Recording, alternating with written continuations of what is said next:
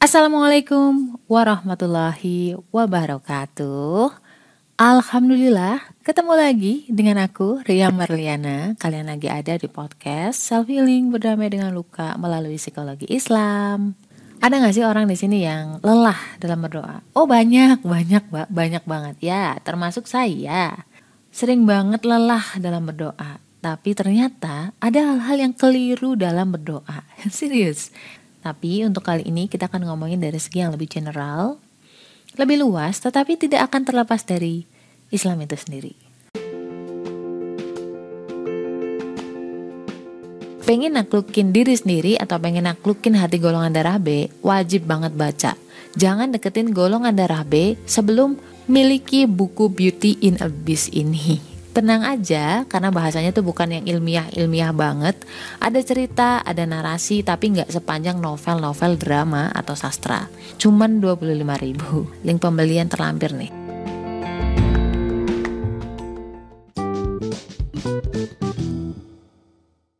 Kadang-kadang kalau misalkan salah menempatkan doa, salah dalam berharap, itu ujungnya apa? Kekecewaan. Kalau udah kecewa, yang kita salahin siapa? Allah kok deh Pernah gak sih mikir kalau adanya kalian atau apa pun yang sekarang lagi ada di sekelilingmu itu perwujudan dari doa-doa kamu atau realisasi doa kamu di zaman-zaman dulu, di tahun-tahun lalu, di beberapa bulan yang lalu, atau bahkan ketika kamu masih kecil.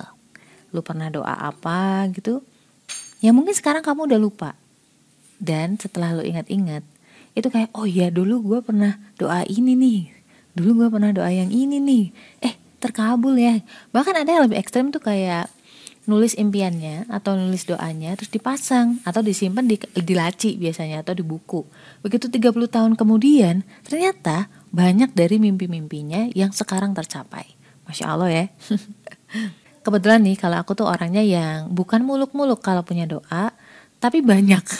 Jadi kecil-kecil gitu impiannya tapi banyak. Cuman aku mau cerita salah satu kisah atau beberapa titik aja jadi dulu pas belum resign dari bank tuh aku berdoa nih biar bisa keluar dari bank atas apa ya dengan niatan yang benar biar tetap bisa makan walaupun aku udah nggak kerja di bank. Sesederhana itu.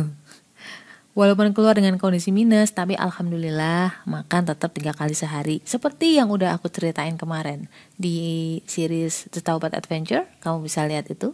Setelah resign apakah aku berhenti berdoa? Enggak. Ternyata masih ada keinginan yang lain Alhamdulillah golongan darah B itu otaknya nggak panjang banget. Jadi begitu kesampaian terus ada doa lagi yang lain. Pas habis resign aku berdoa biar jualannya laris. Alhamdulillah dong jualan ayam geprek malah tutup. Ketika aku jualan ayam geprek itu dari pagi sampai malam bahkan sampai setengah dua tuh aku masih melek. Dan situasinya nggak bagus karena aku jualannya outdoor. Means nggak mungkin dong anakku yang satu tahunan itu tetap berada ikut di luar. Padahal anakku nggak bisa lepas dari aku. Bingung kan waktu itu? Aku berdoa ya Allah berilah aku uh, jualan atau bisnis yang bisa siang hari gitu loh. Jadi anak-anak nggak perlu kena angin malam. Dan alhamdulillah ketika ayam gepreknya tutup bukan karena nggak enak tapi memang lokasinya nggak bagus. Jadi di sini daya konsumsinya rendah. Kemudian aku coba jualan jasuke dari situlah aku mulai jualan jajanan yang seribuan di SD dekat rumah. Lu tahu, gua nyiapinnya tuh dari jam 6 kadang jam 9 udah pulang, kadang jam 11 udah pulang, siang udah leyeh-leyeh, sore udah santai sama anak-anak. Dan Masya Allah ya, dari situ pun aku tetap bisa makan. Tetap bisa bayar listrik.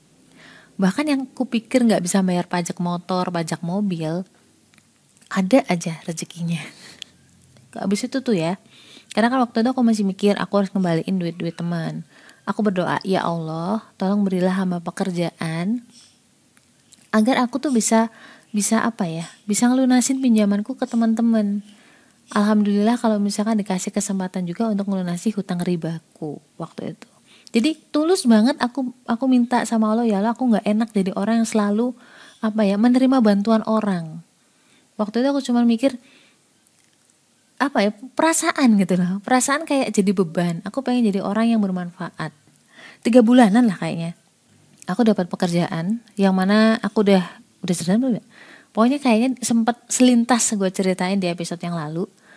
Aku dapat pekerjaan dengan gaji yang gak masuk akal tapi sesuai dengan doaku. Jadi tiga kalinya UMK tiga kalinya UMK daerah tersebut lah intinya. Dan aku berdoa agar uh, waktunya tuh yang gak sampai lembur-lembur yang santai dan aku bisa sholat tepat waktu. Dan itu semua Allah kabulkan. Masya Allah. Terus mbak setelah gitu berhenti berdoanya? Enggak juga. Alhamdulillah Allah selalu kasih ujian sehingga aku tuh nggak lupa untuk memohon sama Allah. Jadi udah kerja, aku masih aja ngarep hal-hal yang receh sebenarnya sih. Jadi kayak aku tuh ngarep biar bisa kerja dari rumah, terus bisa nyambi nemenin nemenin anak-anak didik mereka gitu loh. Bagaimanapun yang bertanggung jawab mendidik uh, adalah orang tua khususnya adalah ibu. You know what? Koronce dong WFH. Jadi udah setahun lebih aku WFH secara nggak langsung ya doaku itu terkabul kerja dari rumah ya walaupun ternyata tantangannya juga ada aja gitu. Justru lebih berat dibandingkan kerja di luar rumah. Tetapi doaku untuk memenuhi tugasku sebagai ibu mendidik anak alhamdulillah sedikit demi sedikit bisa aku uh, penuhin. Eh masih ada kelanjutannya bro?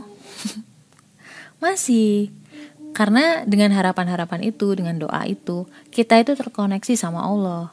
Aku berdoa tuh, semoga aku bisa kerja dari rumah sendiri, bukan dari kontrakan. Karena kan capek ya bolak-balik, harus ngurus dua rumah. Dan akhirnya ketika uh, jangka waktu kontrakanku habis, tarif kontrakannya dinaikin hampir dua kali lipat gitu sama pemilik kontrakan. Dan masya Allah, terpaksa aku harus pulang. Tuh akhirnya beneran terkabul dong. Kok bisa sih mbak kalau berdoa pas banget gitu, gampang banget terkabulnya gimana sih? Sepertinya kalian juga ngalamin hal yang sama, cuma mungkin kalian gak aware. Dari kecil, ambisius memang terhadap ambisi-ambisi dunia. Ya cita-citanya kayak pengen uh, eh, S2, pengen S3, pengen punya rumah, pengen punya mobil, pengen punya yayasan, punya ini, punya itu, dan lain sebagainya. At the end of the day, aku berpikir bahwa kok kadang-kadang kecewa ya? Kok kadang-kadang lelah ya? Apakah ada yang salah dengan doaku? Apakah ada yang salah dengan ambisiku? Ada pemikiran gini kita nggak pernah tahu usia kita sampai mana ngerasa konyol aja ketika aku mati masih dalam keadaan mengejar ambisi dunia. Even itu pakai doa dan ikhtiar dan juga cara-cara yang benar. Aku ngejar pengen S3 misalkan. Ya S3 di kampus X, dengan S3 di kampus X maka saya bisa membantu orang dan lain-lain dan lain-lain. Tapi kan kita bisa jujur atau enggak, kita sendiri yang tahu. Sebenarnya yang kita inginkan itu adalah S3-nya, pride-nya, ambisi diri untuk diri kita sendiri atau memang kebermanfaatan kita ke orang. Kita yang paling tahu. Dan waktu itu jujur banget dulu pas masih muda itu adalah ambisi pribadi. Dan aku ngerasa konyol andai kata ketika lagi ngejar S3 capek-capeknya dan lain sebagainya itu hanya sampai dimensi dunia dan aku mati di tengah itu. Jadi aku mulai berlatih ya, berlatih berharap agar Allah itu membuatku berambisi kepada sesuatu yang Allah cintai, membuatku berdoa yang memang Allah mau kasih ke aku gitu loh. Jadi gampang rasanya. Dan juga berharap agar aku tuh berdoa sesuai dengan skenario-nya Allah. Biar kuat ngadepin kenyataan aja sih. Dan aku pernah dengar salah satu ustadz, Ustadz Adi Hidayat mungkin kamu pernah dengar. Kalau misalkan doa, coba gantungin atau kaitkan dengan ibadah. Dan itu rasanya enak banget Misalkan ya, ada dua orang berdoa. Yang pertama adalah doa, ya Allah tolong kayakan aku sehingga aku bisa membantu orang atau bersedekah ke orang lain. Tapi yang kedua, dia berdoa, ya Allah tolong jadikanlah aku orang yang uh, ahli bersedekah. Jadi orang yang pertama sebenarnya dia tuh ambisinya kaya, tetapi seolah-olah nyogok Allah dengan nanti gue sedekah deh gitu. Dan yang kedua, dia tuh kayak lu mau kaya atau enggak yang penting gue bisa ibadah bersedekah menjadi orang yang diridhoi sama Allah sama Allah. Dan itu jauh lebih menenangkan jauh dari rasa stres. Dan yang paling penting ketika lo mati kamu menuju ke ibadahnya Allah. Kira-kira itu yang aku ceritain ke kalian. Semoga bisa ngebantu kalian yang saat ini mungkin lagi bingung dengan doa kalian sendiri.